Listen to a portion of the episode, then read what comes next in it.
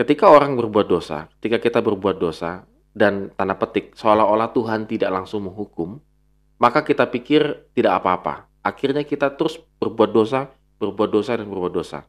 Dan tanpa kita sadari, dosa itu sudah melilit kita.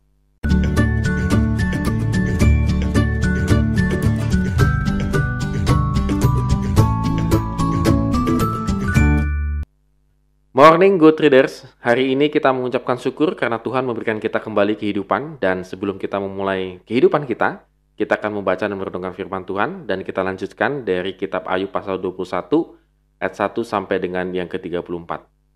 Mungkin kita merasakan ketidakadilan. Ada orang yang melakukan uh, kecurangan dan juga penipuan, mereka langsung cepat kaya. Terlepas akhirnya mereka masuk ke dalam daftar pencarian polisi gitu ya, karena penipuan-penipuan yang mereka lakukan. Atau mungkin kita berpikir bahwa ketika ada orang yang meraih sukses itu nggak pakai lama begitu. Cepat sekali mereka sukses. Sementara kita sudah bertahun-tahun kerja, ya dibilang sukses, sukses. Cuma nggak sekaya yang mereka lakukan begitu ya. Mungkin bagi kita juga berpikir kenapa perang terjadi, kenapa kejahatan seolah-olah dibiarkan oleh Tuhan. Dan pada hari ini kita akan melihat bagaimana pasal ini bercerita tentang hal yang agak mirip gitu ya. Nah, Sebenarnya uh, Ayub itu terkaget-kaget karena teman-temannya itu tidak mendukung dia dan tidak memberikan rasa empati ketika dia sedang mengalami satu penderitaan. Mereka mengecam Ayub karena penderitaan Ayub itu adalah akibat dosa dan bahwa penderitaan itu berasal dari Tuhan yang menghukum. Dan kini Ayub Ayub boleh oleh boleh kita katakan dia mengajukan bantahan sekitar dua uh, bantahan kepada teman-temannya. Ayub mengajukan fakta-fakta tentang orang berdosa yang justru tidak sedikit pun memperlihatkan adanya hukuman Tuhan atas hidup mereka. Ayat 19 kita bisa melihat di sana. Berlawanan dari pendapat Zofar yang mengatakan bahwa orang berdosa akan mati muda. Ayat pasal 20 ayat 11. Ternyata mereka panjang umur bahkan semakin uzur, semakin bertambah kuat di ayat yang ketujuh.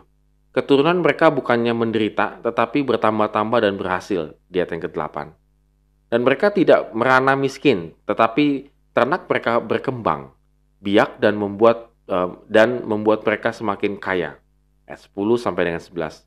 Bahkan sebaliknya dari dari mengalami penderitaan dan ketidakbahagiaan, hidup mereka penuh dengan keceriaan, perayaan. Ayat 12 sampai 13. Tuhan bahkan tidak berbuat apa pun dalam kenyataan dunia sementara ini, bahkan terhadap orang-orang yang membuang dia. Ayat 14 sampai dengan 16.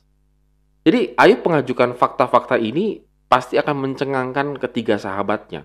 Bagaimana Ayub tanda petik nih, membela orang yang uh, hidupnya jahat, tetapi mereka tetap senang-senang dan seterusnya begitu ya. Jadi good readers pada hari ini bukan berarti ketika Ayub Ayub mengajukan fakta-fakta ini dan kita jumpai dalam kehidupan kita sehari-hari, ada begitu banyak orang yang ya tanda petik ya hidupnya penuh dengan kejahatan tetapi panjang umur, kemudian ceria, bertambah kaya, anak cucunya sehat-sehat misalnya begitu. Ini kan menjadi sebuah ironi dalam kehidupan kita. Nah, Ayub di sini bukannya meragukan Tuhan, seolah-olah Tuhan tidak berbuat apa-apa terhadap kehidupan mereka. Namun yang jelas bahwa tidak selalu Tuhan itu langsung menghukum dunia ini secara langsung. Ini juga harus kita uh, lihat Gutiérrez di ayat yang ke ayat 17 sampai dengan 21. Memang Tuhan tidak langsung menghukum. Mungkin kita pengennya sih begitu. Ada orang yang berbuat curang langsung detik itu kesambar petir dan seterusnya. Pengennya sih begitu. Pengennya Tuhan langsung mengadilinya. Tetapi memang tidak selama-lamanya demikian.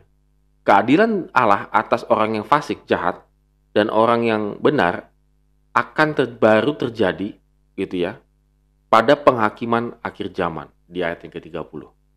Jadi artinya good readers pada hari ini apa yang diajarkan kepada kita adalah kita tetap setia kepada kebenaran, kebenaran Tuhan.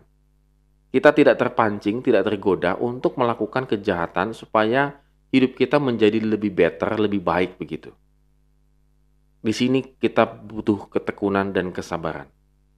Dan good readers yang boleh kita petik pada hari ini juga adalah ketika orang berbuat dosa, ketika kita berbuat dosa dan tanda petik seolah-olah Tuhan tidak langsung menghukum, maka kita pikir tidak apa-apa. Akhirnya kita terus berbuat dosa, berbuat dosa, dan berbuat dosa.